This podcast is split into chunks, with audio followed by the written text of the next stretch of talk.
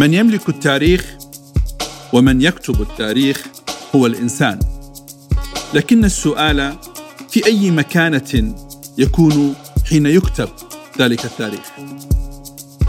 أهلا ومرحبا بكم. إلى السردية صفر معي أنا محجوب الزويري. في الحلقة التاسعة من بودكاست السردية صفر يتناول راوي السردية العلاقة بين التاريخ والسياسة والجدل القائم بينهما عبر أهل الاختصاص.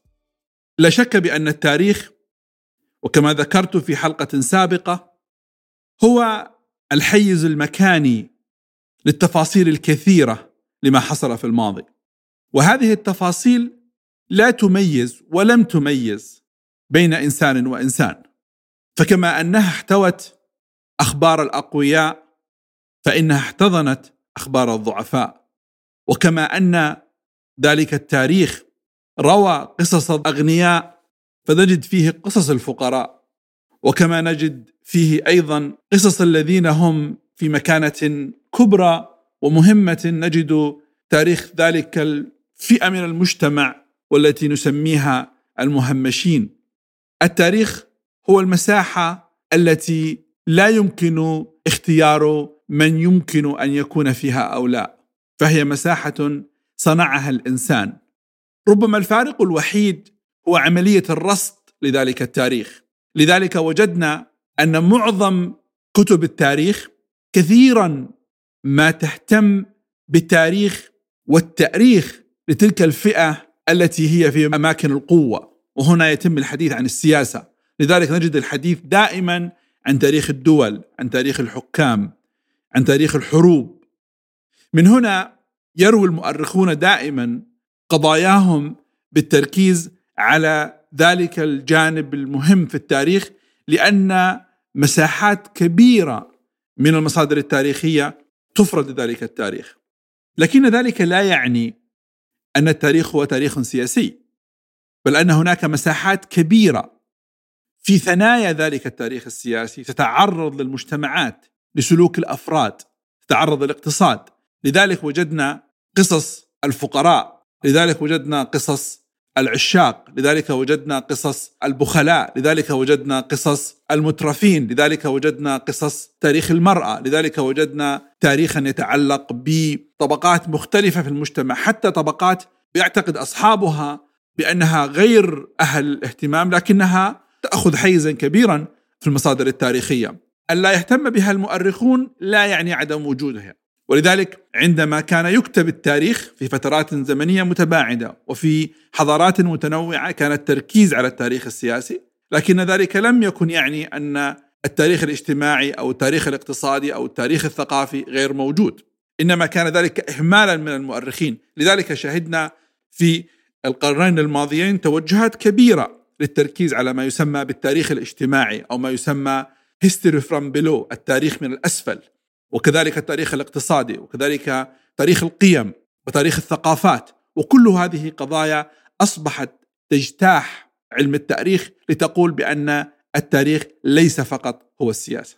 ولتحاول هذه آه، الجهود العمل على إنقاذ التاريخ من تلك الجدلية والجدل القائم بينه وبين السياسة ولتقول بأن التاريخ السياسة هي جزء منه وليست هي الكل.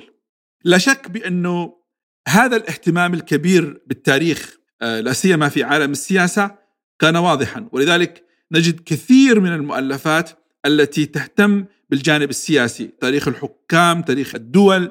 لذلك نحن لدينا في تراثنا العربي الإسلامي من أهم وأبرز أمهات الكتب تاريخ الرسل والملوك كتاب الطبري.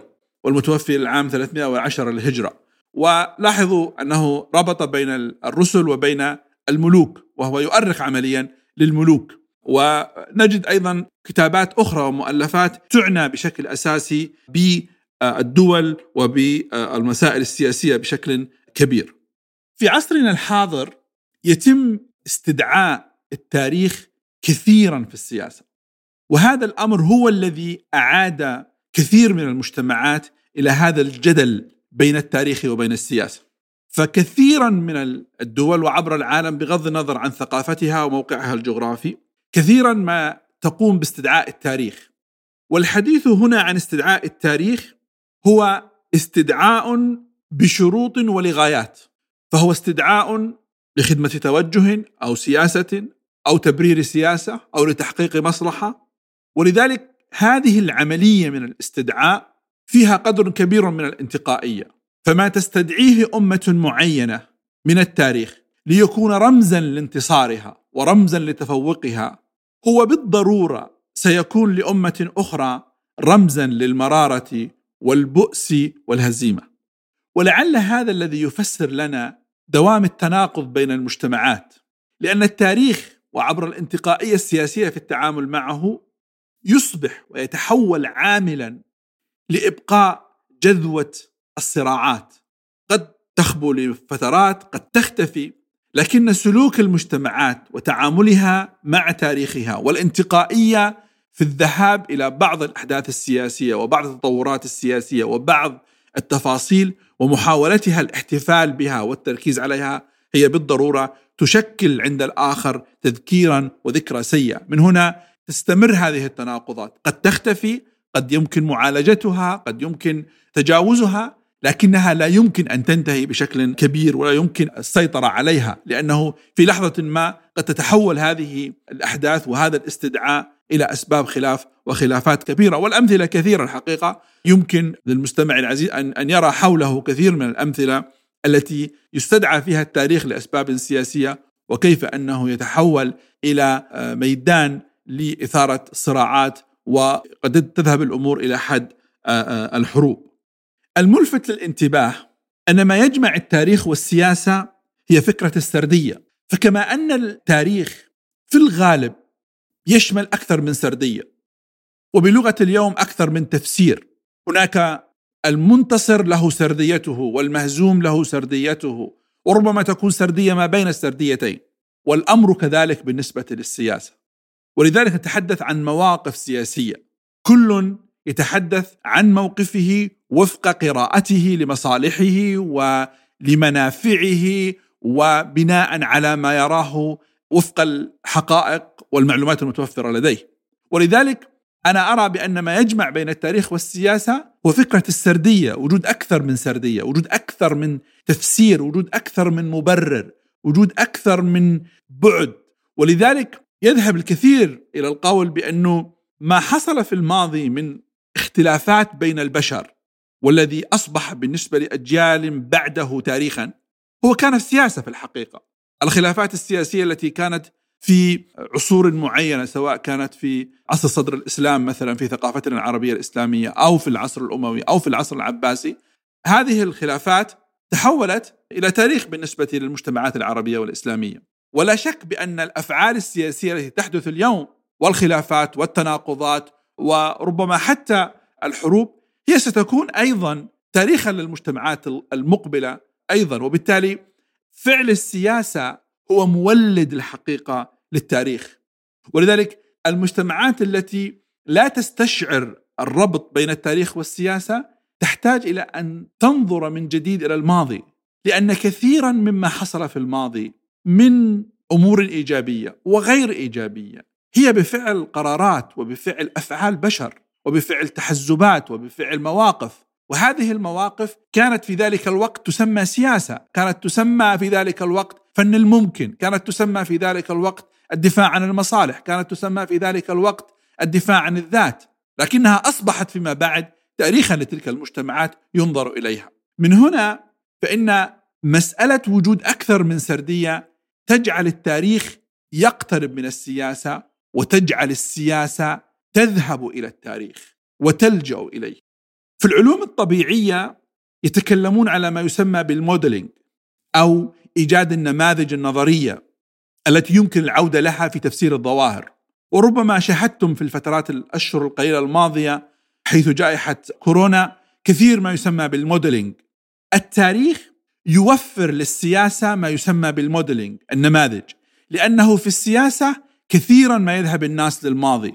إما طمعا في أن يحصلوا على إجابات شافية وإيجابية يبنون عليها أو ربما هربا من ذكريات لا يحبون أن يتذكروها أو أخطاء لا يحبون أن يكرروها. ولذلك فالتاريخ هو الميدان هو المساحة الزمنية التي توفر للسياسة وللسياسي هذه المساحة من التفكير بإيجاد النموذج، اتخاذ القرار، الخطوة القادمة التي يريد أن يتبناها، فهو مساحة الموديلينج التي ربما تتناسب مع ما هو في العلوم الطبيعية. ولذلك قضية التناقض ستبقى مستمرة لأنه هنالك حالة من في السياسة آه، من القول بأن السياسة تستند إلى ذاتيتها، إلى تجربتها، وهنا يأتي السؤال: أي تجربة في السياسة تفتقر إلى الماضي؟ السياسة في الحقيقة هي تاريخ الماضي، هي المساحة التي حصل فيها الماضي بكل تناقضاته وبكل إيجابياته وبكل سلبياته. ولذلك لا يمكن للسياسة أن تتخلى أو أن تقول لا داعي للتاريخ، لا أريد التاريخ، التاريخ لا يهمني، لا يفيدني، آه هو عبء علي. حتى في لحظات عندما يرى أهل السياسة أن التاريخ عبء عليهم، هو في ذلك الوقت يقدم لهم أكثر فائدة، لأنه يذكرهم بأنه عبء عليهم، وعليهم أن يفكروا بطريقة مختلفة وأن يختاروا مسارات أخرى حتى لا تكون قراراتهم عبئا على من يأتي بعدهم. فهو يقدم لهم خدمة إيجابية كبيرة في أن يقول لهم لا تفعلوا كما فعل من سبقكم فتكونوا عبئا على الآخرين. لذلك حتى في أقصى درجات التخلي عن التاريخ وغسل اليد مما حصل فيه هو في تلك اللحظة الحاسمة هو يقدم خدمة كبيرة للإنسان ولا سيما لأهل السياسة. لذلك فكرة التوظيف السياسي للتاريخ تبدو بارزة في كل المجتمعات. وانظروا إلى حجم الاحتفالات التي تقوم فيها الدول في فترات زمنية متباعدة. هذه الاحتفالات في كل تفاصيلها هي استدعاء للتاريخ. وذلك التاريخ يذهب كما قلت في الحلقة السابقة لأن يكون جزءا من تشكيل الهوية الوطنية لتلك المجتمعات. لذلك هذا التوظيف السياسي لن يختفي للتاريخ مهما حاولت المجتمعات أن تتخلى عنه. على العكس من ذلك هنالك الآن موجة من التوظيف الاجتماعي للتاريخ التوظيف القيمي للتاريخ واستدعاء نماذج من الصور الجميلة والنبيلة في المجتمعات للقول أن هذه المجتمعات أو تلك المجتمعات لديها ماضي آه، بهذه الأبعاد القيمية والأخلاقية إلى غير ذلك. من هنا فإن العلاقة بين التاريخ والسياسة لن تختفي بسهولة ولن يختفي هذا الجدل ذلك أنه ما دام كلا الحقلين يرتبط بالإنسان فلا سياسة دون مجتمعات إنسانية ولا تاريخ دون مجتمعات إنسانية فهما في في مسار يجب أن يلتقيا في مرحلة ما حتى وإن تباعدا زمنيا حتى وإن تباعدا مكانيا حتى وإن تباعدا بشريا بفعل اختلاف الثقافات واختلاف المجموعات البشرية من تنوع عرقي وثقافي إلى غير ذلك. من هنا في كثير من الأحاديث التي يذكرها أهل التاريخ وأهل السياسة يبرز نقاش بالغ الأهمية والذي يركز على فكرة أن الاستدعاء للتاريخ في الغالب له علاقة بكتابة التاريخ ومن يكتب ذلك التاريخ والقول بأن من يكتب التاريخ هو فقط المنتصر. ربما في المقولة قدر كبير من الصحة لكننا يجب أن لا نهمل أن ثمة سرديات أخرى للتاريخ يكتبها حتى المهزومون فتواجه رواية المنتصر. ولذلك شاهدنا مثلا آه، في الحروب الصليبية آه، روايات يرويها الصليبيون عما فعلوه مما سموه انتصارات في مشرق العالم الإسلامي في المشرق العربي تحديدا. لكننا وجدنا أيضا روايات لمؤرخين مسلمين رووا واقع الهزيمة التي لحقت بالمسلمين ورووا واقعهم وكيف أن هذا الواقع أدى إلى الهزيمة. فحتى المهزوم يمكن أن يكتب روايته أيضا عن التاريخ ولذلك تكون المهمة كبيرة على المؤرخ أن يذهب إلى تلك المصادر وأن يمحص فيها حتى يكون أقرب إلى فهم ذلك التطور وذلك الحدث ويقدمه للمهتمين بطريقة أقرب للموضوعية، أقرب للدقة، بعيدة عن التحيز بحيث تعطي للمهتم وللقارئ صورة أقرب إلى واقع ما حصل آنذاك. لذلك محاولة المؤرخين قراءة تلك الأحداث حتى وإن كتبت عبر المنتصرين لا تكتمل. إذا كان التركيز على كتابة التاريخ فقط بناء على سرديات المنتصرين فهذا تزييف إلى وعي المجتمعات وفيه بالضرورة إشكاليات ستكون في المستقبل عبء على ذلك المجتمع. لابد من التذكير هنا بقضية أساسية. هذه القضية تتعلق بحاجة الناس لكتابة التاريخ. وكما ذكرت سابقا فالمجتمعات لا تملك خياراتها محدودة في أن تتخلى عن الماضي. لا يوجد مجتمع بشري عرف الاستقرار وعرف أي نوع من أنواع المدنية ولم يهتم بماضيه وبالتالي بتاريخه. فالتاريخ يكاد يكون قدر لتلك المجتمعات. وحتى عندما يكتب عبر المنتصر وعبر أهل السياسة وحتى عندما يتم اجتزاء مساحات وفضاءات معينة منه اجتماعية أو اقتصادية أو قيمية فهو بالضرورة سيكون ذاكرة لقسم ولجزئيه من ذلك الماضي. لذلك عندما يكون التاريخ فقط سياسيا فإنه يعطي صورة غير حقيقية وربما مشوهة عن واقع تلك المجتمعات، فهو يلغي عمليا الغالبية العظمى من الناس. لذلك جاء رد مؤرخي التاريخ الاجتماعي ليقولوا: وهل التاريخ غير التاريخ من الأسفل؟ هم الذين يصنعون التاريخ هم الذين يمكن من خلالهم قياس القيم هم الذين يصنعون التاريخ الاجتماعي هم الذين يصنعون الاقتصاد.